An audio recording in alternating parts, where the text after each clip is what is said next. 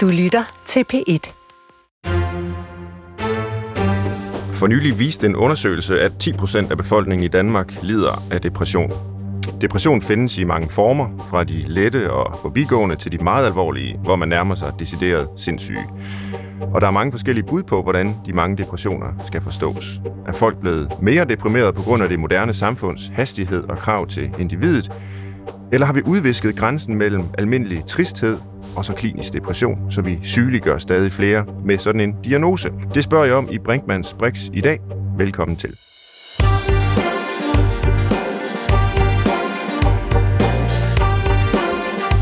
Sammen med kolleger har jeg gennem mange år arbejdet med at prøve at forstå, hvad psykiatriens diagnoser betyder for individer og samfund. Og depressionsdiagnosen er jo en af de almindeligste, og på mange måder også en af de mest omstridte. Hvis man har mødt et menneske med en alvorlig depression, så kan man ikke være i tvivl om, at der kan være tale om en endnu meget alvorlig sygdom. Men at hele 10% af befolkningen skulle være deprimeret, er alligevel umiddelbart svært at forstå. Og Paul Hvidebæk, du er min ene gæst i dag. Du er psykiater, en af landets bedst kendte eksperter med hensyn til depression, arbejder som professor og overlæge ved Center for Neuropsykiatrisk Depressionsforskning ved Psykiatrisk Center Glostrup. Velkommen til dig, Paul. Er det efter din mening et valid tal, når man finder, at hver tiende dansker har en depression? Nej, overhovedet ikke. Nej. Jeg, ved, jeg ved ikke, hvor du har det tal fra, men det er helt forkert. Øh, de undersøgelser, der er lavet, øh, tyder på, at det er omkring 3 procent. Mm-hmm. Tallet er fra en undersøgelse for nylig fra, lavet af forskere på Aalborg Universitet, som så på 199 øh, forskellige sygdomme, øh, som de lavede sådan et epidemiologisk øh, studie over. Og de fandt så, det var både somatiske og psykiatriske, og, og fandt, at 10 procent havde en depression. Altså, det bestrider du? Den undersøgelse har jeg ikke læst, men, men til gengæld har jeg læst nogle rigtig gode undersøgelser, der tyder på, at det er et væsentligt lavere tal. Øh, for, men det er klart, det kommer an på, hvordan man gør det, gør det op, og hvordan man stiller diagnosen, og hvordan man spørger folk. Øh, men, men der er lavet for nogle år siden en meget stor befolkningsundersøgelse i Danmark, øh, hvor man fandt et tal på omkring 3. Øh, okay. Måske lidt højere, men det omkring det synes jeg allerede er øh, beroligende og godt at få på bordet. Men det kan være, at du så godt kort kan definere, hvad det er, man har, øh, hvad en depression egentlig er, hvis man hører til de 3 procent. Ja, men en depression er jo en tilstand, hvor man for det første føler sig meget ked af det eller trist. Øh, man er umådeligt træt, øh, kan ikke tage sig sammen til noget. Man er plaget af selvbebrejdelse og skyldfølelse. Man mister appetitten. Ofte så kan man ikke sove om natten øh, og, og ligger vågen i lang tid. Øh, og så det aller værste, det er, at man kan have øh, meget svære selvmordstanker, øh, sådan at der faktisk er en del af de mennesker, som har depression, som ender med at begå selvmord, hvis ikke de får hjælp. Så, så det kan være en meget alvorlig tilstand, som du også sagde i starten. Mm. Og det er jo så et af de, øh, en af de øh, lidelser, som samtidig bliver kaldt folkesygdomme, øh, og det er jo nok især øh, båret frem af de her noget dramatiske, og du vil så sige overdramatiske øh, undersøgelser med, med, med, med de 10 procent, men vil du sige, at lad os sige 3 procent af befolkningen har en depression, er, er det så øh, noget, man kan tale om som en folkesygdom? Jamen det synes jeg, det er. Ja. Der er jeg enig, fordi øh, det er jo rigtig mange mennesker. 3 procent, det er mange mennesker, det drejer mm. sig om. Og så synes jeg, det som specielt interesserer mig, det er, at, at øh, nogle af de her 3 procent, måske 20-30 procent af dem, øh, de bliver ikke raske, uanset hvad for en behandling, som vi tilbyder dem, altså psykoterapi eller medicin eller sågar elektroshock, som vi formentlig skal høre om om lidt. Ja. Øhm, så, så det synes jeg er et, et fantastisk væsentligt problem, at der er nogle mennesker, der simpelthen ikke bliver raske. Og det, at noget af den forskning, jeg laver, den går ud på at finde nogle tilbud til lige præcis de mennesker, enten genoptræning eller øh, andre øh, behandlingsformer. Og det er ikke fordi, vi skal hænge os i øh, tal nødvendigvis, men nu vi er i gang med alle procentsatserne her, så svarer det jo nær, næsten til, til 1% af befolkningen, hvis jeg lige kan lave min hovedregning øh, rigtigt, som, som, som ikke bliver raske umiddelbart, men, men har den her svære depression ja, kronisk. Ja, ja, ja, ja, nemlig. Det er jo ganske alvorligt. Ved siden af dig, så sidder min anden gæst, øh, som er Peter Øvig. Også velkommen til dig. Tak. Dejligt, du vil være med. Du er jo øh, kendt som forfatter til mange bøger, øh, meget øh, velresearchet øh, og, og bestseller på, øh, på forskellige vis. Og senest har du skrevet, Min mor var besat, da jeg mødte depressionens dæmon, som jeg sidder med her, som handler om både din mors og dine egne depressioner. Og for nu at begynde øh, i den øh, tråd, vi har her omkring øh, øh, hvad kan man sige, udbredelsen af depression, og, og du har jo researchet på området. Har du så nogen holdning, øh, Peter, til, om depression er over- eller underdiagnostiseret i befolkningen? Nej, jeg har jo aldrig interesseret mig så meget for statistik og Nej. tal, øh, så, så det har jeg ikke. Jeg, jeg har mere interesseret mig for at, at dykke ned i, i tilstanden som sådan, ikke? Og jeg synes også, det er meget interessant, hvad, hvad er det egentlig, man kalder depression? Altså, man kan mm. godt sidde og diskutere, om det er 10 eller 3 procent. Øh, men jeg har jo for eksempel i de første 30-40 år af mit liv, øh, vil jeg mene i dag, lidt af depressioner. Men det kaldte jeg det ikke, fordi mm. depressioner var noget andet end det, som jeg havde. Jeg havde sandelig ikke depressioner. Det var noget, min mor havde, og det var værre, og det hørte også til en helt anden personlighedstype, fordi jeg var slet ikke sådan en, der, der fik psykiatriske diagnoser eller psykiatriske lidelser.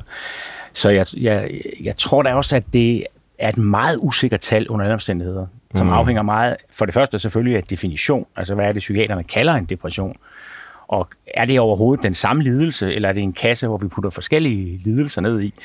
Øh, jeg synes i hvert fald, at jeg har mødt folk, som har depression, som har forklaret meget anderledes som sygdom, end det, som jeg har oplevet. Det kan godt være, at det, det hører til i den samme kasse alligevel. Men, men så er der jo også det med en person som mig, som faktisk bare ikke vil have depression. Jeg vil ikke have det i mit liv som begreb. Øh, og så har jeg gået og defineret mig ud af den der kasse. Og der er vel formentlig også, det vil jeg også tro, at, at der er din erfaring, øh, Paul, at at der er mange mennesker, der ikke får hjælp til deres depression, fordi ja, de, det er helt de, de simpelthen ikke anerkender, at de er syge. Ja. Og det er jo ikke nødvendigvis, fordi de ikke er syge, eller de, de kan faktisk måske endda være ret syge, uden at ville gå til lægen eller gå til psykiateren. Og, ja, det er nemlig fuldstændig rigtigt. Altså, der, der er mange ting i det, men der er nogen, som ligesom dig ikke vil anerkende, eller ikke se, erkende, at de har en depression. Det er faktisk en ret hård erkendelse. Man skulle tro, at, at det var måske ikke noget særligt, men det er en, en stor ting at erkende. Øh, og så er der rigtig mange mennesker, som, på trods af, at de indrømmer over for sig selv, at de har det dårligt, så får de ikke nogen hjælp. Altså, vi regner med, at omkring halvdelen af dem, der går til læge øh, med depression, øh, bliver opdaget, så at sige. Mm-hmm. Øh, og det hænger jo sammen med, at tit så øh, går man til læge med helt andre problemer, fordi det er stadigvæk er tabu at have en depression. Ja. Man går til læge og siger, at man kan ikke sove, eller man har ondt et eller andet sted, fordi øh, det er ligesom legalt at snakke med læger om smerter eller den slags ting, ikke også? Hvorimod at snakke med læger om det psykiske, det kan være meget svært. Øh, så, så der er rigtig mange, der ikke får hjælp. Det har du fuldstændig ret i. Hvad kaldte du øh, din tilstand, Peter, øh, før du talte om den som depression? Ja, men jeg tror, jeg valgte sådan nogle mere poetiske termer. Ikke? Altså, jeg, jeg øh, led af blå perioder, mm-hmm. eller jeg faldt ned i sorte huller, eller, øh, eller jeg havde mine melankolske perioder. Øh, og det er også rigtigt, at min depression dengang nok ikke var så alvorlig som den sidste, jeg har oplevet. Men jeg synes i dag overhovedet ikke, der er nogen tvivl om, at det var øh, depressioner. Og det var faktisk du... først, da jeg fik børn, fordi jeg, har jo, jeg tilhører jo en tradition, som også har sådan defineret mig selv som antipsykiater, øh, hvor man mente, at psykiatrien var, var, var, var statsmagtens, en del af statsmagtens undertrykkelsesapparat. Og da det, og det, som man kaldte psykisk sygdom, det var jo bare at være lidt mere følsom, og måske endda øh, lidt mere sund, øh, mm. fordi at man reagerede på, at samfundet var så sygt indrettet, som det var. Så man sagde, at det var en sund reaktion på et sygt samfund. Ja. Øh, og så, så, så derfor har jeg jo også ligesom haft sådan en helt ideologisk overbygning, der handlede om, at, at jeg ikke skulle lide af en psykiatrisk sygdom, og ikke skulle have brug for, for hjælp fra en psykiater. Øh, og det var faktisk først, da jeg fik børn, fordi så opdager man jo, specielt når man selv har haft en mor, der leder depressioner, at det er jo ikke særlig godt for børn at have en, Nej. en far eller mor, der lider af, af depression og så stiller man sig ligesom sin ideologi lidt til side og tænker, okay, mm. nu øh, prøver jeg at se, om jeg kan få hjælp. Og så, det er en altså, hård erkendelse. Ja, det kan det så sikkert være i forskellige grader. Ja. Der kan sikkert også være mennesker, der bare vil klare alting selv, ja, ja. som heller ikke kan finde ud af at, ja. at få hjælp. Du lytter til Brinkmanns Brix på P1. Jeg glæder mig til at dykke mere ned i det her, også øh, den her antipsykiatriske øh, ideologi, som du kalder den, øh, Peter Øvig. Vi skal både tale om øh, lige om lidt det at få en diagnose, som depressionsdiagnosen. Vi skal tale om, hvordan vi behandler, hvordan vi kan behandle mennesker med depression, og endelig øh, så skal vi se på, hvilke årsager der er, om der eventuelt er nogle af de årsager til de 3% der så har en depression i dag, som stammer fra samfundet, og om vi kan ændre noget der. Men lad os begynde hos lægen. Det er jo egentlig det, vi allerede øh, taler om her, og mine gæster i dag er Peter Øvi, forfatter, øh, senest til Min mor var besat, en bog om depression, og så Paul Hvidebæk, som er øh, professor og overlæge i psykiatri og ekspert i depression. Peter Øvig, hele den her historie, du har med, med depression, det kan være, du kan, øh, uden du skal genfortælle hele bogen, alligevel øh, bare rise op, hvordan du selv fik diagnosen. Jamen i virkeligheden fik jeg jo øh, diagnosen, da jeg første gang så gik til min læge og på anbefaling fra øh, kloge mennesker øh, prøvede at få nogle lykkepiller. Øh, de hedder noget andet, men... Ja, lad være at bruge det navn. Ja, jeg ved nu, kom, nu kommer jeg til at sige lykkepiller. øh, SSR, vi må ja. finde på noget, der ikke er et SSRI-præparater, som vi... Antidepressiva. Som, ja, ja. Antidepressiva, ja. Men det er jo alligevel kun en del af... Altså, det er jo ikke... Der er jo, antidepressiva er jo en stor kasse. Ja. Men det her er altså det, milde, det mildeste præparat, kan man måske sige. Og der kom jeg jo så hjem, og så stod der jo for pokker på pakken, at jeg havde fået noget medicin, der var mod depression. Så jeg var sådan, jeg tror ikke lægen havde nævnt ordet, men, men nu havde jeg altså fået noget medicin, der fortalte, at, at jeg havde en depression. Og det var faktisk, altså jeg tror i dag i hvert fald, jeg må sige, det var en, en fordel og en lettelse. Især for min kone. Fordi jeg havde ligesom gået en del af den der benægtelse øh, af, at jeg havde depression, var jo også, at jeg var underlagt tabuet på en eller anden måde. Så hun måtte ikke sige til folk, at jeg gik og havde det skidt, og slet ikke selvfølgelig, at jeg havde depression. Og jeg tror, det, at jeg fik diagnosen, øh, betød, at jeg begyndte at lette lidt på det tabu, sjovt nok. Øh, mm. Eller i hvert fald indse, at jeg havde en sygdom.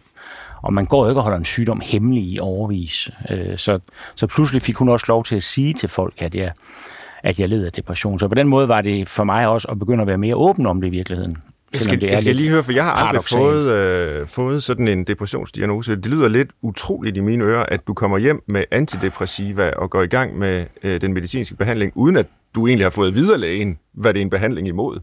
Ja, det er jo også forkert, altså. Vil jeg, ja, jeg, jeg tror, ja, det øh, vil jo aldrig ske ude hos Paul, tror jeg. Nej, det, men, det, det, det fandme men, men det er jo min erfaring, jeg har også hørt andre sige det, øh, andre end mig selv, at, at hvis man går til sin læge og taler om, at man er trist, øh, så får man ret let de her antidepressiva, øh, de moderne antidepressiva. Og det betyder ikke nødvendigvis, at man sådan, han, han, han har aldrig lavet en test på mig, eller, altså, eller ja, jeg tror egentlig ikke, han har stillet en diagnose på den måde. De bliver uddelt ret rundhåndet. Ligesom... Altså, det, det vil jeg godt lige kommentere, hvis, hvis jeg må. Fordi ja. øh, jeg, jeg er sikker på, at du har ret, at det er der nogle læger, der gør. Og, og det er jeg selvfølgelig inderligt imod. Jeg synes, det er for ringe. Øh, men omvendt behøver man ikke at lave en test, som du siger, altså udfylde et spørgeskema. Det er der også nogle læger, der gør. Men det, det er jeg egentlig heller ikke særlig begejstret for, fordi øh, diagnosen depression forudsætter en lang samtale, faktisk flere samtaler, hvor man øh, snakker om det. Og så synes jeg selvfølgelig, hvis, hvis lægen når frem til, at man har en depression, eller at man ikke har en depression, så er det da naturligt, at lægen fortæller, øh, hvad han er kommet frem til. Altså, så, så man ikke skal læse det på medicinpakken, som, som du siger. ikke. Og, og den anden vigtige ting, der er i det, du siger, det er, at, at jeg har også oplevet rigtig mange gange, at det, at trolden får et navn, det er første vej, øh, eller første skridt på vejen til at bekæmpe den. Det er så vigtigt, at, og, og det har din læge så ikke benyttet sig af, men det er så vigtigt, at man informerer om sygdommen, så man kan tage sine forholdsregler, og, og så man kan ligesom vende sig til tanken og indse, at, at det er det her, der er galt. Og det er den vej frem, hvis vi skal udrydde tabuer, og det synes jeg er meget vigtigt, fordi tabu gør det her endnu sværere at bære. Paul, du var inde på det her med, øh, hvordan diagnosen stilles hos øh, lægen. Nogen øh, lægger vægt på en, en lang øh, samtale, andre øh, bruger måske mere sådan nogle af de her symptom checklister, og, og hvad det sidste angår, de her checklister, så er det noget af det, øh, vi i vores arbejde øh, med, altså med, med, med forskellige diagnoser har set på, hvor, hvor risikoen for overdiagnostisering måske er særlig stor, hvis man bare sætter krydser. Jeg har selv sat sådan nogle krydser i nogle depressionsskemaer, og, og har i perioder været snublende tæt på at have en depression ifølge skemaerne. I perioder har jeg haft det ifølge skemaerne, men hvor jeg mener at have så meget selvindsigt, at jeg godt har vidst, at jeg ikke har været syg, men at det simpelthen har skyldes nogle omstændigheder ja. i mit liv, som, som forklarer de her øh, fænomener, der så træder frem som symptomer på en depression lige pludselig, øh, hvis man kun ser det gennem skemaet. Hvor udbredt tror du egentlig, det er ude i klinikkerne, ude hos praktiserende læger, at man øh, alene bruger de her skemaer, eller måske lægger så stor vægt på dem? Altså det kan jeg jo ikke vide, hvad, hvad folk gør i, i deres private praksiser, men jeg kan bare sige, at jeg underviser meget praktiserende læger, og ja. jeg lærer dem, at det må ikke stå alene. De skal bruge flere samtaler øh, med patienten, og hver gang, når jeg siger det, så kigger de frem på mig og nikker selvfølgelig, og, og det gør vi da også, og så videre. Øh, så det går jeg da bestemt ud fra, at nogle af dem også gør. Men øh, skemaerne kan godt bruges... Øh, som en form for dokumentation af, når man sætter en behandling i værk, altså hvad enten det nu psykoterapi eller, eller medicin, øh, hvordan går det fremad? Der kan man godt bruge skemaerne, men, men jeg mener ikke, man kan bruge skemaerne som eneste middel i, i diagnostikken. Blandt andet af den indlysende grund, at vi kender alle sammen til at have dårlige dage, eller der er sket et eller andet forfærdeligt på arbejde, som har påvirket os, eller bekymringer med, med hustruens sygdom, eller hvad ved jeg. Øh, og det vil selvfølgelig påvirke, hvordan man scorer på sådan et schema. Og det er derfor, jeg siger til de præsterende læger, man skal altid bruge mindst to samtaler med en uge, 10 dage imellem, netop for at få fat i sådan nogle, det vi kalder det spontane svingninger, men, men selvfølgelig er det ikke spontant, men altså nogle svingninger, som, som vi alle sammen kender som mennesker, at vores humør, det går op og ned, øh, og, og sådan er det, og, og det skal der ikke pilles ved. Men det skal lægen jo fange, at det her, det, nu kommer du til læge, fordi i dag har du det specielt dårligt, men det går faktisk bedre i næste uge, og så behøver vi ikke at, at gribe til medicinsk behandling. Øhm, og den anden ting er, hvis jeg må tilføje det, det er, at mm-hmm.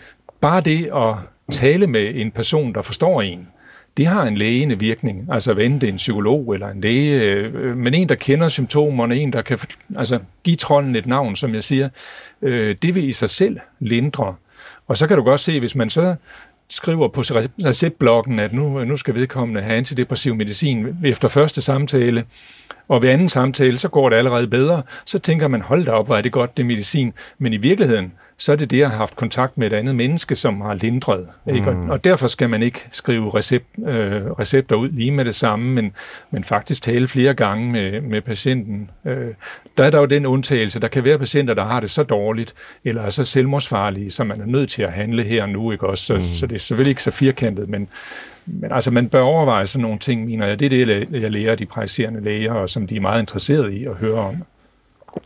Nu det, vi taler om her, kan måske i virkeligheden godt forklare det, vi, vi var inde på lige før, nemlig diskussionen om, hvor mange der rent faktisk lider af depression i Danmark lige nu. Fordi mm. når jeg refererede til en undersøgelse, der sagde 10 procent, så er det jo givetvis sådan en undersøgelse, hvor man bare har set på symptomerne, og så har man scoret dem, og så har man lagt dem sammen, og så finder man, at det er 10 procent. Hvor, hvor de 3 procent, du nævner, øh, Paul, givetvis er, er øh, altså, øh, kommet, det tal er kommet frem på en anden måde. Mm. Øh, og, og det illustrerer måske netop øh, den risiko, der er ved den, den her skemaagtige, manualagtige tilgang til, til diagnostik øh, for, for overdiagnostisering. Øh, ja, måske. Altså, det, det kommer også an på, hvad det er for en population, altså en befolkningsgruppe, man har spurgt. Ja. Fordi hvis du spørger patienter i øh, venteværelset hos den praktiserende læge, så er tallet højere. Ja. Eller hvis du spørger øh, øh, patienter, der går på et øh, somatisk hospital, så er tallet også meget højere, øh, fordi øh, depression går hånd i hånd med, med læmelige lidelser, for eksempel. Så, så øh, det kommer helt an på, hvad er det for en gruppe mennesker, du har spurgt. Peter Øvi, nu fortalte du lige før om, hvordan du kom hjem med antidepressiva og, øh, og, og kom i behandling mod depression. Din bog hedder Min mor var besat, så den handler jo ikke alene om øh, din egen lidelse, det handler også om din mor, og øh, det er også en familiehistorie, en historie om jeres relation, og hvem der i øvrigt har været en del af det. Hvorfor var det vigtigt for dig at, at skrive den her bog på den her måde? Altså, øh, nu, øh, må jeg lige først sige, at nogle gange så er der folk, der tror, at jeg sidder med sådan nogle lister over, hvad der er det vigtigste, jeg kunne finde på at skrive om, og så vælger jeg det, der er det allervigtigste, ud fra en eller anden øh, præmis, samfundsmæssig præmis måske. Sådan er det jo ikke. Altså, jeg, jeg skriver den bog, som i et stykke tid kommer til at fylde det hele som mm. idé, og så er, det, så, er det, så er det indlysende. Jeg skal helst ikke foretage noget valg. Og det her var så endnu skønnere, fordi det var den dag, min mor døde, og det var faktisk skønt, at hun døde. Det er jo forbudt at sige, men jeg prøver at benytte hver lejlighed til at sige det. Øh, den dag min mor døde, der blev jeg meget lykkelig og meget euforisk og meget inspireret. Og så fik jeg sådan set hele ideen til den bog, inklusive at den skulle hedde Min mor var besat. Du skal nok lige forklare, hvorfor du blev lykkelig, da hun døde. Fordi det, det, eller så sidder lytteren derude og, ja. og tænker dårlige tanker om dig. jeg vidste jo heller ikke, at jeg ville blive lykkelig, da hun døde. Øh, men det var det, der skete, så det måtte jeg ligesom tage alvorligt. Øh, og det, der skete den dag, øh, det var jo, at jeg fik et, en, en form for bevidsthedseksplosion inde i mit hoved. Altså, hvor jeg pludselig tænkte tanker og havde erindringer om min mor, som jeg aldrig havde haft før.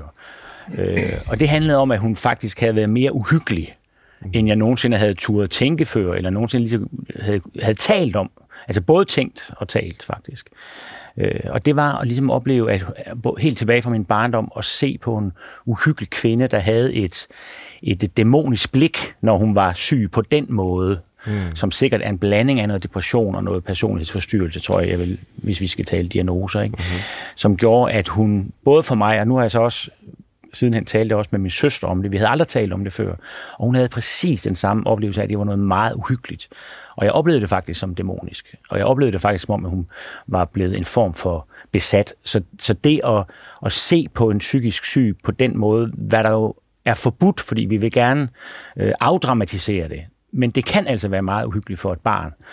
Øh, og, og det var det, jeg, sat, jeg turde sætte ord på, og, og overhovedet turde tænke den dag. Og der forekom det mig indlysende, at der skulle skrives en bog om det, fordi at det er, øh, altså jeg kunne jo mærke på mig selv, at det var så tabuiseret, det var så hemmeligt at have de tanker, forbudt at have de tanker, at jeg, havde, at jeg ikke havde haft dem i, i de første 55 år af mit liv, selvom jeg havde haft en mor i alle de 55 år, og hun i, indimellem havde, øh, havde ageret på den måde. Mm.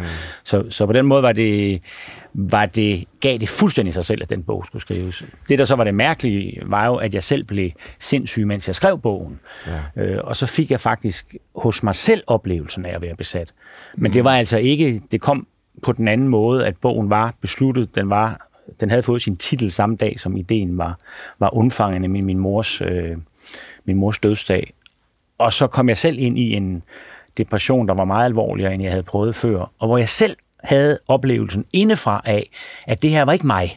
Ja. Det her var en form for dæmoni, der havde taget ja. øh, bopæl i min krop, og, og efterhånden som jeg blev mere og mere sindssyg, så mente jeg jo også, at det var min mor, som øh, fra et sted hinsides døden havde sendt øh, de her, den her besættelse mod mig, eller havde sendt de her dæmoner mod mig. Og det, øh, det, det vil jeg være åben for er sandt, men, men jeg vil også være åben for, at, at her var jeg på vej ind i den psykose, jeg, jeg endte ja, det, i til det, sidst. Det lyder jo som en vrangforestilling, men det ja, det er godt... to. Det kan jeg godt høre, at I sidder og nikker ja, jo, men... til hinanden her. Men, men, men jeg, jeg, jeg synes, at det, det kan, det kan vi jo vende tilbage til, men jeg mener jo, at der er nogle elementer i depressionen, som ja. ikke kan forstås inden for et rationelt verdensbillede. Ja, ja. Men jeg vil bare lige følge op på den, øh, Peter, med, med din mor, der ligesom øh, påvirker dig fra det hensides, fordi på en eller anden måde, hvis man ser det som en metafor, kan det jo godt være korrekt, ikke? Altså, hvad er dine egne tanker om øh, sammenhæng mellem din mors sygdom og din egen? Øh, altså, hvordan det, det må, måske er gået i arv, og det kan selvfølgelig både være genetisk, det kan være på et biologisk grundlag, men det kan ja. selvfølgelig også være i kraft af dine erfaringer med din mors person. Nu er det meget sjovt at sidde med en, en psykiater og en psykolog her, jeg to, øh, fordi at, at traditionelt vil, der, vil det jo være sådan, at den ene er, og nu ved jeg, at Paul i hvert fald er mere nuanceret øh, øh, som psykiater, at, at, at der ville være den genetisk-biologiske forklaring, og psykologen vil typisk have mm. barndomstraumerne. Ikke? Og jeg synes jo, at, at det er ikke engang nok, de to elementer, til at okay. forklare en depression.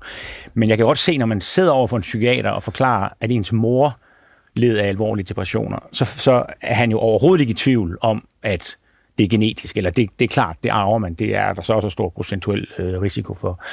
Øh, omvendt kunne man lige så godt sidde hos en psykolog som dig, Svend, ikke? Og, så, og så kunne man finde ud af, at det, jeg har oplevet i min barndom, og den manglende omsorg og kærlighed, og den utryghed, der har været i at have ovenkøbet måske en, en, en uhyggelig mor, øh, det er da rigeligt til, at man bliver øh, psykisk Bestemt. skadet på en eller anden. Og nu er det så Poul Hvidebæk, ja. der siger det. Ja, ja, ja. giver mig ret i det.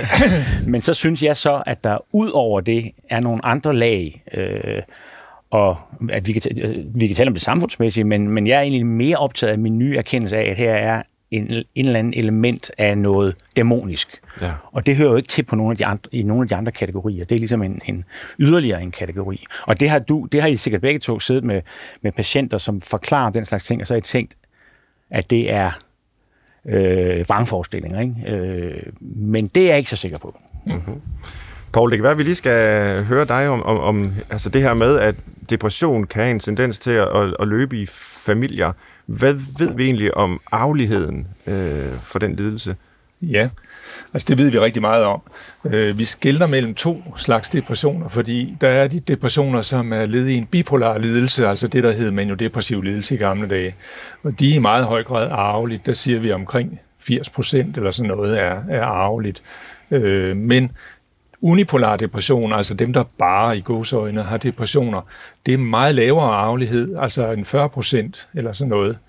Og når man siger arvelighed, så, så tænker folk, når det siger, at jeg arver en depression, men, men sådan fungerer det altså ikke. Nej. Man arver en personlighed eller nogle træk, der hvis man bliver belastet på den rigtige måde, Øh, øh, så bryder det ud i en depression. Jeg plejer at sammenligne det lidt med en, en uh, rukonøgle, der passer i en lås. Ikke? At, at masser af mennesker har arvet generne og går lykkelige igennem livet uden at blive deprimeret, fordi de tilfældigvis aldrig bliver udsat for de rigtige belastninger, som skal til, øh, stress og så videre, øh, for at udløse depressionen. Ikke? Så, så man arver en, en personlighed eller nogle træk, og så vil jeg sige, tit er det faktisk nogle meget øh, hvad skal vi sige, træk, som vi andre er meget glade for, fordi mennesker med depression er tit sådan nogle perfektionistiske nogen, der forlanger rigtig meget af sig selv.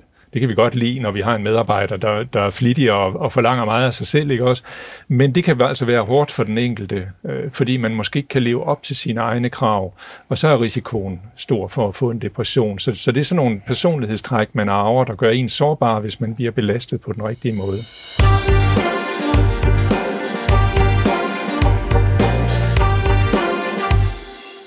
Du lytter til Brinkmanns Brix, hvor vi i dag øh, taler om depression, og min gæster er Peter Øvig, som har skrevet en bog om øh, lidelsen, og øh, Paul Hvidebæk, som er psykiater og professor og ekspert i depressioner. Og i løbet af min levetid, der har vi jo set, at øh, behandlingen af depression i stigende grad bliver brugt, øh, eller går gennem de antidepressive præparater. Der er flere og flere af dem. De bliver stadig hyppigere udskrevet. Kurven er vist nok fladet ud nu, men øh, jeg har læst en vurdering, at det måske er omkring 8% af befolkningen, der er på antidepressiv medicin. Det kan være, at Poul Hvidebæk kan korrigere det tal. Men, men lad os lige øh, tale lidt om behandlingen af den her lidelse, og Peter Øvig, jeg kunne tænke mig at begynde hos dig. Du var inde på det lidt tidligere, det her med, at dit syn på behandlingen af depression har forandret sig fra sådan et ganske antipsykiatrisk udgangspunkt, hvor, hvor sindslidelse er en sund reaktion i et sygt samfund, til en anden form for øh, accept af, og måske respekt for øh, medicin, øh, elektroshock, den type behandlinger, som man i antipsykiatriens tid anså som det rene djævelskab. Kan du prøve at, at fortælle, hvorfor du har forandret øh, syn på det? Øh, ja, der har været sådan et par kvantespring, og det første var der, som jeg talte om før, at jeg kommer hjem fra lægen og opdager, nu har jeg altså fået noget, der er mod depression, og det, mm. og det affandt jeg mig med, kan man sige. Ikke? Øh, senere, hvor jeg så ikke kunne få hjælp under en depression af, af de her lidt mildere antidepressiva, så opsøgte jeg en psykiater, som hedder Jes Gerlach, og det var sjovt nok en psykiater, jeg havde skrevet kritisk om i mine unge dage, og anså for altså, en af dem, der ligesom Mørkes var magt... Ja, han var en af magthaverne i det psykiatriske øh, magtapparat, og ham var jeg oppe hos, og, og det var en så positiv oplevelse, at jeg faktisk tror, jeg nærmest var helbredt, allerede da jeg forlod hans øh, klinik. Han havde en eller anden form for autoritet, øh, som, som var meget øh, overbevisende. Så jeg ved faktisk ikke, om det var det medicin, han gav mig, eller hans karisma, der helbredte mm. mig for den depression. Han er en meget dygtig mand. Ja. Øh, så det var et nyt øh, kvantespring at acceptere, ligesom at en psykiater, som ovenikøbet, øh, det var findebilledet en persona, der faktisk hjalp mig her. Og så det sidste kvantespring har selvfølgelig været her, hvor jeg blev indlagt efter min seneste og, og meget alvorlige depression, altså det, som lægerne på Rigshospitalet kaldte en, en svær psykotisk depression, og det så, tror jeg, jeg har ret i, at det, det er så det værste, man kan komme ud for. Øh, og, og der prøvede jeg jo så ovenikøbet det aller, aller værste øh, behandlingsmetode, øh, som jeg har forestillet mig som, som ung og som, og som kritisk mod psykiatrien, nemlig elektroshock. Og, og jeg tror, vi alle sammen har set den super charmerende Jack Nicholson få elektroshock i Gøgeredden som en, ja, en form uhyggelig. for meget uhyggelig ja. optagelse, som en form for, for straf. Eller, det, ja. det var jo præcis, det passede jo som fod i hose med min opfattelse af, at psykiatrien var til for at undertrykke øh, folk, der var lidt afvigende eller havde lidt særlige kreative mm. idéer. For Jack Nicholson var jo, altså den gode, og så var der den onde afdelingssygeplejerske, ja, som, som, øh, som lægger ham i spændetrøje og giver ham elektroshock. Ja. Øh, så, så det var jo cirka det værste, jeg kunne forestille mig, og det var det faktisk også helt frem til den dag, hvor jeg modstræbende øh, accepterede på Rigshospitalets lukkede afdeling, at at få den behandlingsform. Ja, for du accepterede det faktisk? Ja, det gjorde jeg kun, skal jeg så lige sige, fordi at jeg havde set en, der blev tvangsbehandlet. Jeg havde selvfølgelig ikke set hende få behandling, men jeg havde set hende blive kørt ud af afdelingen i, i de her bælter på en, en borger og skrige, at hun ikke ville have elektroshock. Så jeg, jeg fortolkede det sådan, at, de var, at hun var på vej ned for at blive tvangsbehandlet med elektroshock. Og da det gik op for mig, at det faktisk er noget, der kunne ske, det skete lige for øjnene nærmere stort set, så tænkte jeg så hellere som jeg faktisk sagde til, min, til overlægen på afdelingen, så hellere selv gå til skafottet, Okay. ja, det, ja men, men jeg kan godt sætte mig ind i, at det må have været... Øh, kan man sige, en, en stor øh, og dramatisk beslutning at skulle træffe og, og gå til, ja, øh, skal for det, som du kalder det, når man har været så øh, stærkt imod den her behandling og, og har interesseret sig for det og skrevet kritisk om det og selv skal udsættes for det. Men det kan være, at vi skal høre dig, Paul Hvidebæk, om øh, udviklingen af vores øh, behandlingsmetoder over for depressioner. Og nu og nu spørger jeg så bare dumt, men hvis øh, elektrochokbehandlingen sådan set viser relativt gode resultater, og jo i praksis øh, slet ikke ligner det, man så i, i Gøgereden med, med Jack Nicholson, hvorfor bruger vi den så ikke oftere? Hvorfor er det sådan den absolut sidste udvej i, i meget svære tilfælde som Peters?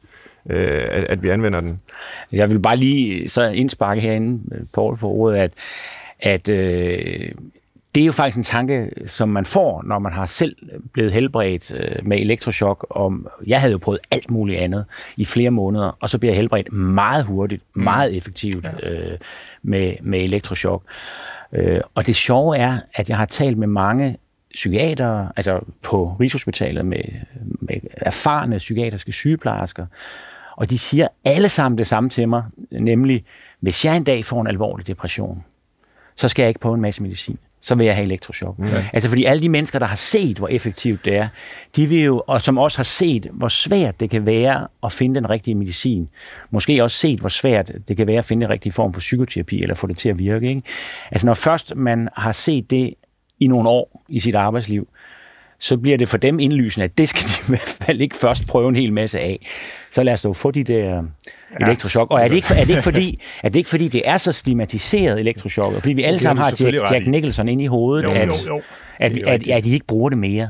Altså, det, det er meget stigmatiseret. Patienterne er meget bange for det, og det kan jeg sådan set godt forstå, fordi hvis man ikke ved det, og hvis man ikke som du har prøvet det, eller man har set det på nært hold, så er det naturligt at, at tænke, at det var da afskyeligt og forfærdeligt, og, og jeg har hørt mennesker, der siger, gør man stadigvæk det i Danmark? Ja, det er der mange, der siger. Ja. Ja. Øh, jeg synes så, at at vi har et rimeligt niveau for behandlingen i Danmark, fordi man skal huske på, at der er altså også nogle mennesker, der får bivirkninger af behandlingen. Ikke? Også de fleste mennesker oplever i øh, uger efter behandlingen, at så er deres hukommelse faktisk meget temmelig påvirket af det. Øh, det bliver så bedre, men der er nogle enkelte patienter, som bliver ved med at have øh, påvirkning af hukommelsen, og det kan være meget ubehageligt, vil jeg sige. Så vi skal heller ikke bruge det til, til alt muligt uh, lettere tilstander og sådan noget, men, men jeg synes, det er godt, at vi har behandlingen til, til de her særlige tilfælde, som jeg nævnte. Den anden ting er jo, at på grund af hukommelsespåvirkningen, så er den jo svær at kombinere med psykoterapi, for eksempel. Mm. Altså, hvor det er meget nemmere at kombinere medicinsk behandling med psykoterapi. Ikke? Så, så det kan også tale imod, at, at vi skal ikke bruge det alt for tit. Øhm, men nogle gange er der jo tilfælde, hvor, hvor vi som psykiater siger, jamen her er det helt oplagt, at ECT vil være det allerbedste, men patienten vil ikke have det. Og, eller de pårørende siger, nej, uha, og slår syv kors for sig, og, og så må vi sige, okay, men så må vi tage det næstbedste, og så kan det godt være, at det hele trækker i langdrag, men, men der er jo ikke noget at gøre ved det. Øh, fordi reglerne er sådan, eller lovgivningen er sådan, at Peter nævnte det med tvangsbehandling. Vi kan tvangsbehandle med ECT, men det er kun, hvis patienten er i yderste livsfare. Ellers er det ulovligt at gøre det, og, og så, så derfor er det ekstremt sjældent, det finder sted. Så der er øh, bivirkninger ved øh, ja. elektroshocks, øh, selvfølgelig havde jeg sagt, som, altså, det er der jo ved alle former for indgreb, hvad, ja. man foretager, men så skulle øh, virkningerne, de, de positive effekter, jo gerne være større end de eventuelle bivirkninger, der, der måtte være. Men Svend, må, jeg, ja. må jeg ikke lige spørge dig, hvad, hvad, hvordan ser du egentlig på elektroshock? Altså nu sidder du og har også haft at gøre med mennesker, der har, der har været syge, eller haft det skidt i hvert fald. Ja, Hvad? altså, jeg har ikke nogen øh, vil sige, modstand mod elektroshock, øh, sådan set. Altså, hvis evidensen er god for, at det øh, virker, øh, så øh, har jeg svært ved at finde argumenter imod. Altså, øh, så, ja, så skulle det være, hvis det systematisk øh, fuldstændig ødelagde menneskers øh, mm. hukommelse, så de måske nok kom af med depressionssymptomerne, men øh, på, på anden vis fik ødelagt deres tilværelse. Men, men det lader ikke til at være tilfældet. Altså, jeg, er jo, jeg, jeg prøver jo at have respekt for de, de videnskabelige resultater. Og, og det er egentlig også det, øh, jeg gerne vil øh, spørge jer til, øh, hvad angår medicinen, fordi den er jo heller ikke uden bivirkninger, og det var du også inde på, Peter, før, at det her med, at der kan gå lang tid, før man ligesom finder et præparat og en dosering, som er den rigtige, og skulle man så ikke hellere springe direkte til elektroshock, i stedet for øh, at, at gå igennem alt det. Og det er jo, altså, nu med far for at åbne et, et meget svært emne og stikke hånden ind i en vipserede, fordi det har virkelig været en omstridt, en stor diskussion i Danmark og internationalt de sidste 5-10 år. Hvad er egentlig effekten af de her antidepressiva, altså af den medicinske behandling? Øh, der har også været en stor kritik af medicinalindustrien øh, for ikke at, ligesom, de sponsorerer en del af forskningen, men bliver de negative resultater så overhovedet øh, publiceret, eller hører vi kun om, om succeshistorierne? Øhm, nogle kritikere siger, at øh, når så mange mennesker stopper med medicinsk behandling i utide, skyldes det, at bivirkninger sådan set kan opleves som værre end symptomerne på den lidelse, de skulle behandle. Og, og man kan jo læse i dagspressen, øh, hvor, hvor, hvor der kommer forskere ud og siger, at øh, jamen, man bør slet ikke tage de her antidepressiva. Så det er jo ikke, fordi vi skal åbne hele den diskussion, øh, også fordi, at øh, øh, ja, det, den er, er lang og kompleks, men, men Poul Hvidebæk, du har i hvert fald været øh, en af dem, der har forsvaret brugen af antidepressiva, og måske også indikerer her, at vi måske øh, i virkeligheden øh, skulle udskrive endnu mere af det, øh, fordi der er nogen, der... Ah. Jamen, du, du, du sagde før, altså... at øh, de her, altså, når, når forbruget har været faldende siden 2010, så betyder det, at der er nogen, der ikke får medicinen, som kunne have haft gavn af den. Ja, men det ved vi. Altså, øh, det er en kompleks øh, diskussion, men vi ved, at nogle mennesker burde tilbydes medicinsk behandling, øh, men får det ikke. Altså det, det er meget vel undersøgt øh, i videnskabelige undersøgelser, så, så der finder underbehandling sted men det, som journalister af en eller anden grund har meget svært ved at forstå, hvor jeg kan se, når jeg snakker med journalister om det her, så går lyset ud i deres øjne, det er, at samtidig med, der er underbehandling, så er der faktisk også nogen, der får pillerne, som ikke skulle have dem. Så, så problemet er meget mere komplekst. Og så vil jeg sige, når, når man som kliniker, altså en, der hele tiden har ansvaret for meget syge mennesker, øh, og også mindre syge mennesker øh, med depression at gøre, så, så øh, oplever man nogle fantastiske succeshistorier. Altså lidt en åbenbaring, ligesom Peter fortæller om øh, med ECT, ikke også, at, at øh, medicinen kan have en fantastisk effekt, og virkelig gøre en, en verden til forskel for den syge. Men vi ved sandelig også godt, at, at der er nogle mennesker, der overhovedet ikke har nogen som helst effekt, og som bare har en rigtig rigtig trælse bivirkninger. Øh, så hvis man tager gennemsnittet af de to ting, ikke, så bliver det sådan lidt lala. Øh, mm. og, øh, og det synes jeg er det, som kritikerne ikke har forstået, fordi øh, de ikke sidder over for lidende mennesker, som de har ansvaret for, og hvor øh, de menneskers liv er ved at falde fra hinanden.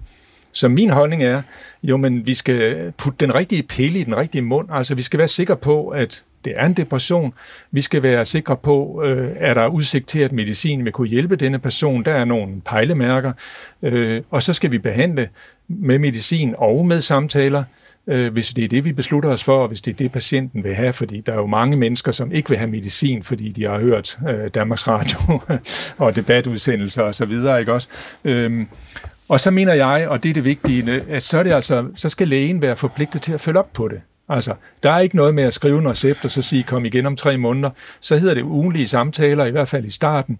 Og hvis patienten på et eller andet tidspunkt kommer og siger, nu vil jeg faktisk gerne trappes ud af den her medicin, så skal lægen naturligvis sige, okay, så prøver vi det, eller øh, hvis, det, hvis det er din holdning, og så lægger vi en plan for, hvordan det skal ske. Mm. Og der tror jeg, mange patienter, mennesker, oplever at være alene, øh, om beslutningen og alene om at, at finde ud af, hvordan gør de det, fordi øh, lægen enten ikke er interesseret eller ikke øh, vil gå ind i det. Det synes jeg naturligvis er forkert. Det du beskriver der som en mulig vej frem, øh, vil det kræve store ændringer af, af den måde, øh, processen fungerer på i dag i, i sundhedsvæsenet? Nej, overhovedet ikke. Altså jeg mener sådan set bare, at det er god lægegærning, og jeg ved også, at masser af praktiserende læger gør det lige præcis på den her måde. Så kan det være, at der er nogle sorte får imellem, ikke? Men, men det er ikke anderledes, end at der er også nogle praktiserende læger, som ikke er så gode til diabetesbehandling, eller hvad ved jeg, ikke? Fordi jeg plejer at sige, at de praktiserende læger, de har verdens sværeste job, ikke? Fordi jeg skal bare have overblik over psykiatrien, de skal have overblik over alle de andre sygdomme også.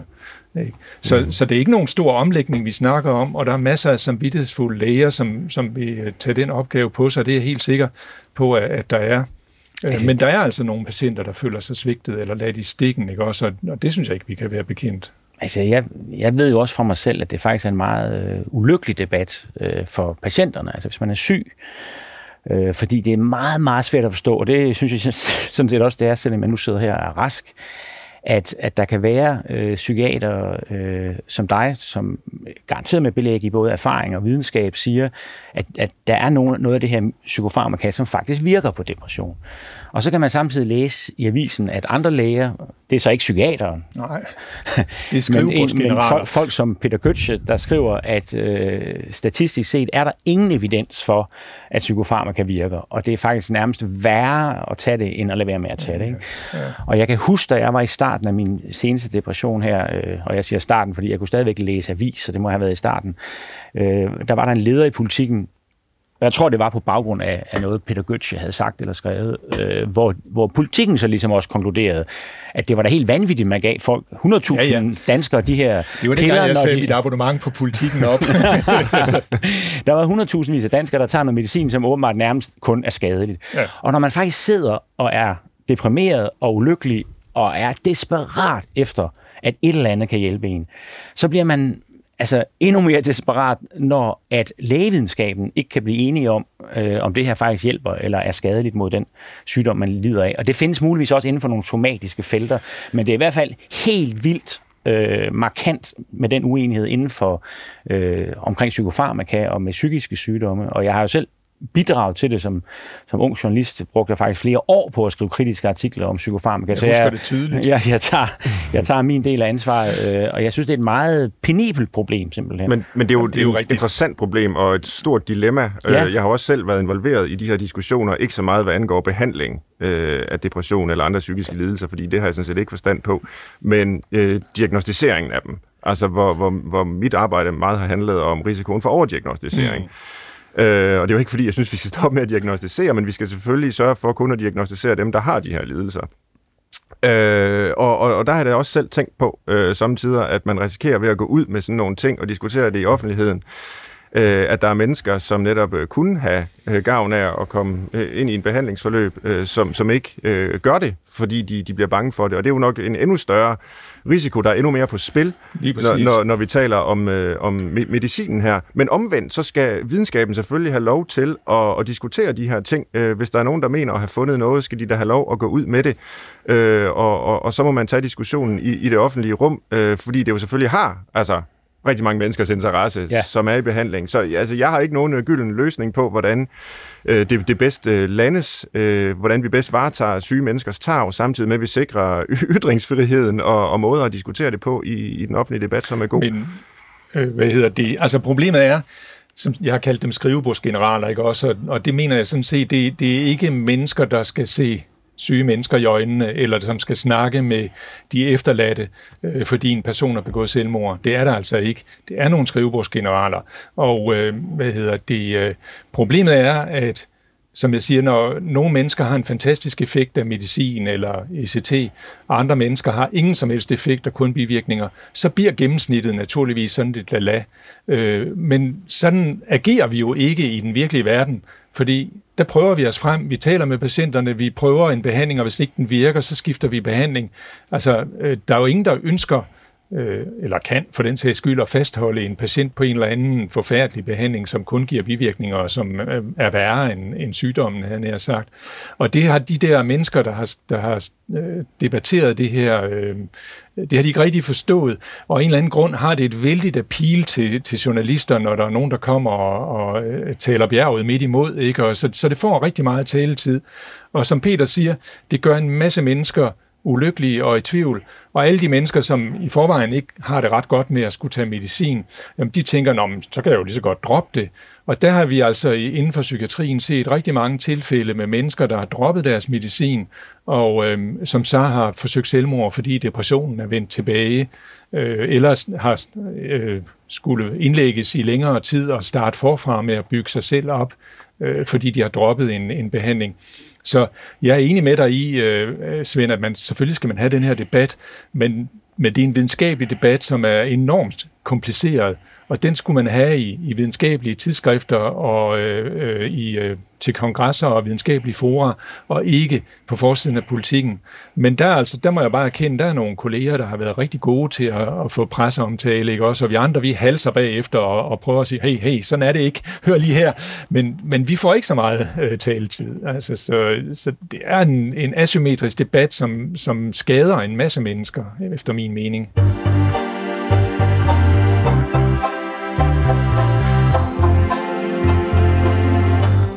Her til sidst skal vi øh, ind på de mere sådan samfundsmæssige dimensioner af en lidelse som depression. Og den franske sociolog Alain Ehrenberg øh, skrev for nogle år siden bogen Det udmattede selv, som handler om, at det moderne samfunds krav og hastighed udmatter os, så vi reagerer med depression.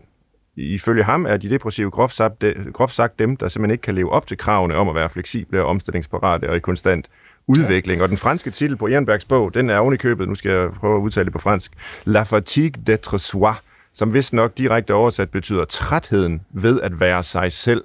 Altså trætheden ved hele tiden at skulle realisere og udvikle sig selv i alle mulige sammenhænge. Og det er jo den her overordnede sociologiske øh, analyse, men altså som er et forsøg på at forklare, øh, hvorfor vi ser så relativt mange mennesker med depression i den moderne verden. Man kan diskutere, om det jo altid har været sådan, om der altid har været mange mennesker med depression, men det er jo svært at vide, hvordan var det for 100-200 år siden. Øh, Freud eksempelvis, øh, for, for godt og vel 100 år siden, øh, beskrev jo relativt sjældent mennesker med depression. I dag er det en af de mest sådan, øh, hyppigt diagnostiserede øh, psykiske lidelser. Paul Hvidebæk, som psykiater, øh, der både er forsker og, og, og, og kliniker, kan du købe en sociologisk analyse som den her fra Ehrenberg, altså hvor der er nogle øh, samfundsmæssige transformationer, der forklarer, at mange mennesker får depressioner i dag? I høj grad. Ja. Altså, øh, der er faktisk lavet undersøgelser, det er lidt kompliceret, hvordan man viser sådan noget, men der er undersøgelser, der tyder på, at siden 1950'erne, der er depression rent faktisk i stigning. Mm-hmm. Øh, kurven er fladet ud, men, men der er sket en stigning. Øh, og øh, hvad hedder det, der, jeg er slet ikke i tvivl om, at det afspejler samfundsforhold, øh, fordi øh, det kan ikke være genetiske forhold, for de ændrer sig altså ikke i løbet af, af 50-75 år. Så der er kun den mulighed, og, øh, og jeg er helt sikker på, at, at han har en vigtig pointe. Jeg tror, der er en anden ting i det også, og det er, at tolerancen over for mennesker, der ikke er 100% effektive, den er blevet mindre på arbejdsmarkedet. Mm. Det vil sige, hvis man skrænter lidt og har måske en let depression, øh, så, kan man ikke, så er man ikke omstillingsparat, og så, så bliver man stresset, og så ryger man ud af arbejdsmarkedet, øh, fordi arbejdsgiveren, og det er særligt de offentlige arbejdsgivere, skulle jeg hilse at sige, de er meget slemme til det her. De, de vil ikke have sådan en medarbejder, der ikke yder 110 procent, så så ryger man ud. Øh, og så bliver den lette depression til en svær depression, fordi mm. nu har man også mistet sit arbejde, og familien falder fra hinanden. Mm. Ikke? Så det spiller helt sikkert en meget stor rolle. Der er også andre ting i det. Der er også nogle biologiske forhold. Det er noget, som jeg er meget interesseret i. Efterhånden som vi bliver ældre, så får vi mere og mere arteriosklerose i hjernen, og det noget af min forskning viser, at det kan også medføre depressioner. Arteriosklerose skal du måske lige Ja, altså overforkalkning ja. i, i fine små kar i hjernen. Mm. Det kan give små øh, hvide pletter, som når de sidder i de rigtige ledningsbaner i hjernen, så kan det medføre depression. Øh, så efterhånden som befolkningen bliver ældre, så vil vi se flere øh, depressioner alene af den grund. Men jeg synes altså som sagt også, der er nogle, sociologen har fat i en vigtig pointe. Vi presser vores unge mennesker på uddannelser og på universiteterne osv. Der er ikke plads til meget slinger i valsen, og, og jeg er helt sikker på, at vi grundlægger nye depressioner på den måde ved at lave et, et samfund, der øh, grundlæggende øh, er umenneskeligt i sin måde at behandle mennesker på. Så jeg vil, øh, altså Peter han nævnte det der gamle slogan for antipsykiatrien, og der vil jeg skrive det lidt om og sige, at øh, depression, øh, det er en usund reaktion på et usundt samfund. Mm. Altså, mås, mås, måske kan man også godt skælne lidt. Jeg synes, der, der er ingen som helst fordel for et menneske ved at have en alvorlig depression. Nej. Der er nogen, der spørger mig, om jeg ligesom synes, jeg bliver klogere af det. Ja, det kan da godt være, men jeg vil virkelig, virkelig gerne have været fri. Ja. Men den lette depression, den er jo også øh, ubehagelig, men jeg, min egen erfaring er bare, at når man går rundt i verden, det kan man så stadigvæk med en let depression, øh, så oplever man verden på en mere hudløs façon. Ja, det er rigtigt. Og jeg synes egentlig, at det giver en form for erkendelse af, hvad der øh, kunne være meget vigtigt vigtigt i menneskelivet, nemlig altså de helt grundlæggende, det kan være det kristne kærlighedsbudskab, det kan være andre former, at man skal være øh, nærværende over for sine medmennesker. Mm. Fordi når man selv har en let depression og går rundt i den hudløse tilstand, så ved man, øh, så mærker man meget, meget tydeligt, hvor meget en, en ubehagelig ytring, eller omvendt en venlig ytring, øh, betyder for ens humør og tilstand den dag. Øh, så derfor synes jeg egentlig godt, at en, en, en, en, en let depression kan øge ens bevidsthed om øh, samspillet mellem mennesker. Og så er det rigtigt, at så snart man så ryger ned i de dybere kategorier, så er der ikke noget øh, som helst positivt at komme efter. Der er psykologiske undersøgelser, de er godt nok sådan omstridte og måske svære helt sådan at få, få, få hold på, men som antyder i det mindste, at mennesker, der har depressioner, faktisk har et mere realistisk selvbillede end mennesker, der ikke ja. har depressioner. Altså de er bedre i stand til at vurdere, hvem de selv er, hvilke egenskaber de har osv. Øh, og det er der jo flere måder at udlægge på, men jeg tænker jo nogle gange på, om det handler om, at øh, os, der så at sige ikke har en depression, vi er på en eller anden måde for tykhovedet til at, at, at forstå øh, det moderne samfunds krav. Altså, ja, vi skal være fleksible og omstillingsparate, men det kan vi måske bare joke med at være lidt ligeglade med. Men hvis man virkelig forstår, øh, hvad det er for nogle krav, der bliver stillet til en, og forstår om sig selv, at man aldrig nogensinde kan leve op til dem, jamen så øh, hænger det måske sammen med et depressivt sind. Øh, og det er, jo, det er jo sådan set ganske uhyggeligt, øh, fordi det, på en eller anden måde betyder det, at, at flere burde have en depression, hvis de ellers forstod, hvad det var for en verden, vi lever i. øh, altså, øh, hvis vi skal spille lidt med på den der øh, nuancering af antipsykiatrien, som Paul var inde på, altså at det er en usund reaktion i et usundt samfund. Ja, jeg tror, du har helt ret. Altså, øh, jeg plejer at sige sådan, at, at mennesker med depression, det er nogle plusvarianter, for de har en masse egenskaber, som vi godt kan lide. Ikke? De, mm. øh, de forlanger meget af sig selv, de er pligtopfyldende osv. osv. Øh, men det har den bagside, at, at så, øh, så kan de også reagere depressivt, når de bliver udsat for urimelige krav fra arbejdsgiver, øh, for eksempel, eller, eller andre steder ikke, i, i samfundet. Altså, det, det er jo sådan, at unge mennesker, det, nu har jeg også skrevet en del bøger om oprør, og det er jo mm. altid, mm. oprør bliver jo altid gennemført af meget unge mennesker, også yngre end vi tror. Altså, det er jo nærmest teenager, øh, der var, der var frihedskæmper under 2. verdenskrig, det var teenager, der var hippier i slutningen af 60'erne.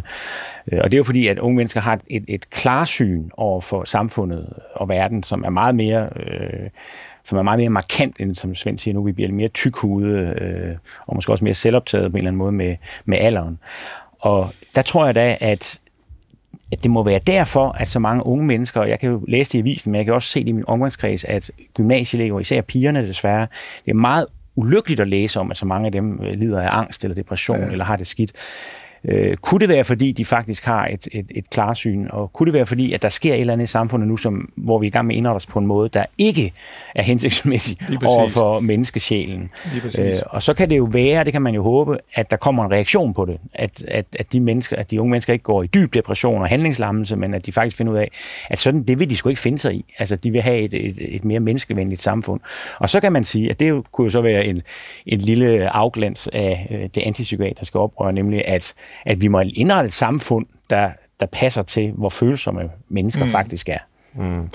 Ja, og man kan sige, det, det er måske svært at forvente en revolution fra mennesker, som er angste og, og jo, jo. deprimerede. Det, øh, så, så hvis vi ikke skal vente på, at de, de kommer med revolutionen, har I så nogle tanker om, hvad, hvad man kan gøre for at indrette et mere skal vi sige, antidepressivt samfund?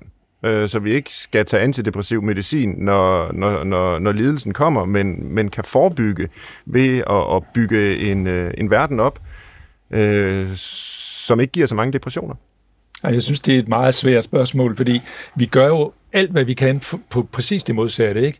Mm. Altså indføre adgangsbegrænsninger, så presset det øh, forplanter sig helt ned i børnehaven efterhånden. Ikke? At man skal vide, hvad for en, et, en livsbane man skal vælge, ikke? når man er seks år gammel.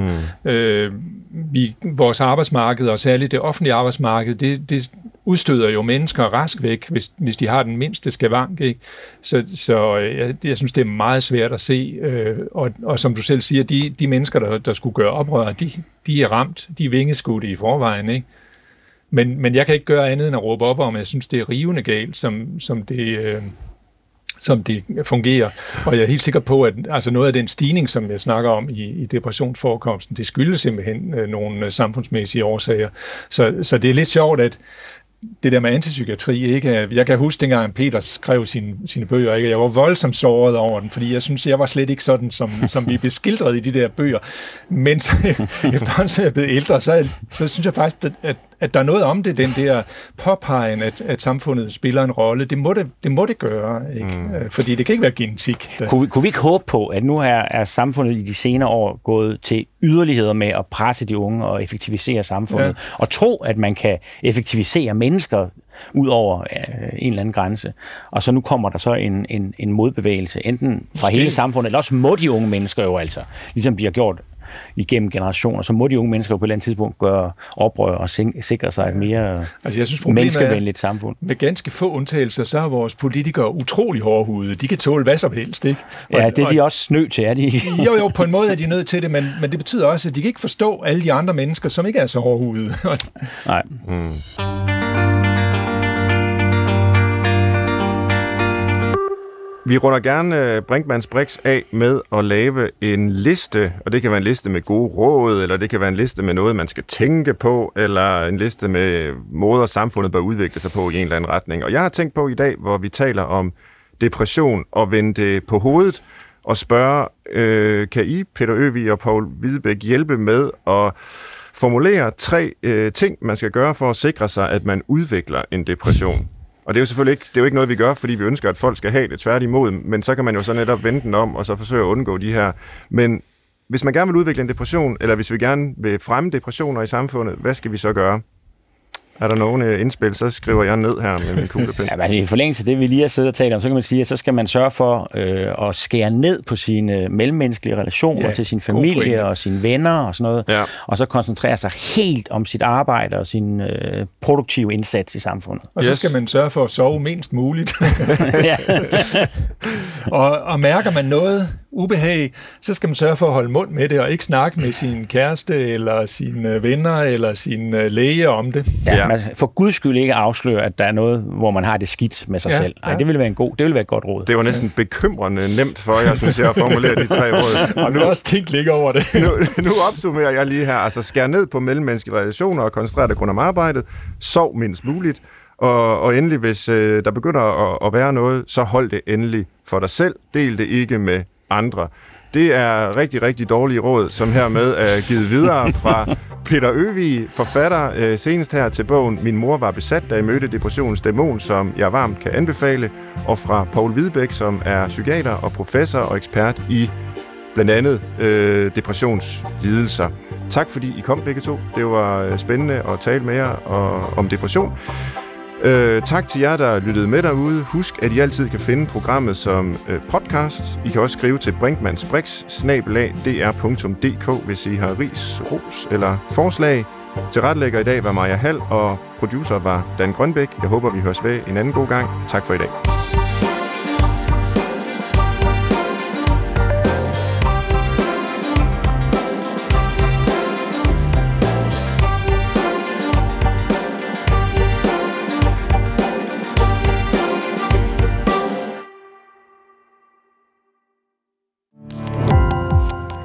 Gå på opdagelse i alle DR's podcast og radioprogrammer. I appen DR Lyd.